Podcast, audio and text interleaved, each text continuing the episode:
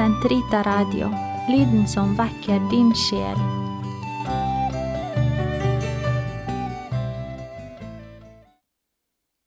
Den katolske kirkes katekisme, uke 17, torsdag, paragraf 1322 til 1332.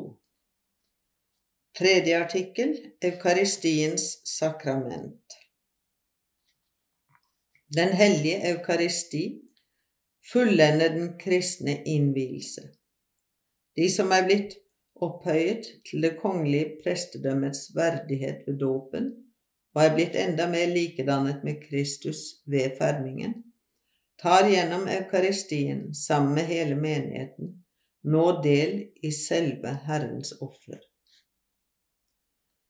Ved den siste nattvær, i den natt da han ble forrådt, innstiftet vår Frelse det eukaristiske offer av sitt legeme og blod for å føre videre korsofferet ned gjennom tidene inntil hans komme, men også for å betro Kirken, sin elskede brud, det synlige minnet om hans død og oppstandelse. Kjærlighetens sakrament, enhetens tegn, hengivenhetens bånd, det påskemåltid hvor Kristus fortæres, sjelen fylles med nåde, og vi mottar pantet på den evige herlighet. Eukaristien kilde og høydepunkt i kirkens liv. Eukaristien er kristenlivets kilde og høydepunkt. Alle de øvrige sakramenter er knyttet til eukaristien og henordnet til den, og det samme gjelder de øvrige kirkelige tjenester og apostoliske oppgaver. Eukaristien rommer nemlig i seg alle kirkens åndelige goder, i hele deres fylde, det vil si Kristus selv, Han som er vårt påskelam. Eukaristien betegner og virkeliggjør livsfellesskapet med Gud og gudsfolkets enhet, som Kirken er seg selv ved.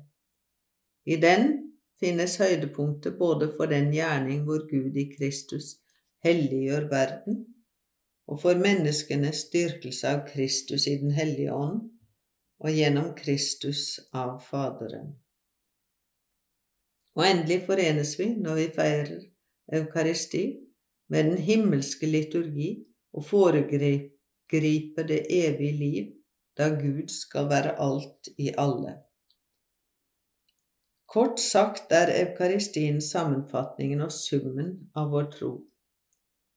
Vår tenkemåte samstemmer med eukaristien, og eukaristien bekrefter så vår måte å tenke på.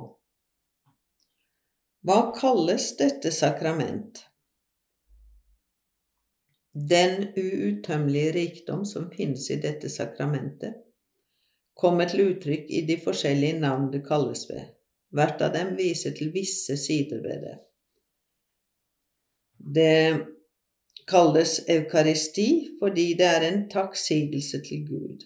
Ordene eukaristein og eulogein minner om de jødiske velsignelser som særlig i forbindelsen med et måltid forkynner Guds storverk, skapelse, gjenløsning og helliggjørelse.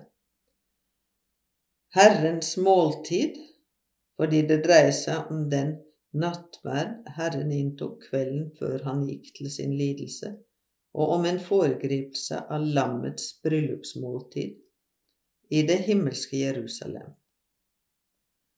Brødsbrytelse fordi Jesus benyttet seg av denne jødiske måltidsskikken når han som vert velsignet og delte ut brød, særlig ved den siste nattverd. Det var da han brøt brødet disiplene kjente ham igjen etter oppstandelsen, og det var slik de første kristne betegnet sine eukaristiske sammenkomster. Med dette vil de si at alle som spiser av det ene brutte brød, Kristus, får samfunn med ham og utgjør fra nå av et legeme med ham. Eukaristisk forsamling, synaksis, fordi eukaristien feires i de troendes forsamling, som er en synliggjøring av Kirken. Minne om Herrens lidelse og oppstandelse. Hellig offer, fordi de gjør Kristi, Frelserens ene offer, nærværende og inneslutter Kirkens offergave, eller også det hellige messeoffer, lovprisningsoffer, et åndelig offer, et rent og hellig offer, siden det fullbyrder og overgår alle den gamle pakts ofre. Hellig og guddommelig liturgi, fordi hele Kirkens liturgi finner sitt midtpunkt og sterkeste uttrykk i feiringen av dette sakramentet. Det er det samme som menes når man kaller det feiring av de hellige mysterier. Man taler også om det aller helligste sakrament, fordi det er sakramentenes sakrament.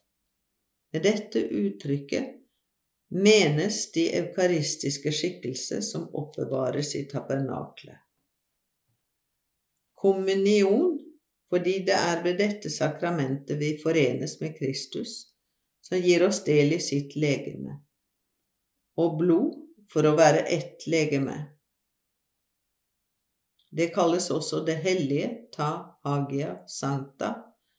Dette er den første betydning av de hellige samfunn som nevnes i apostlenes symbol. Englebrød, brød fra himmelen, udødelighetens legemiddel, vandringsbrød. Den hellige messe fordi den liturgi hvor frelsens mysterium er blitt fullbrakt, avsluttes med utsendelsen, missio, av de troende for at de skal gjøre Guds vilje i sitt daglige liv.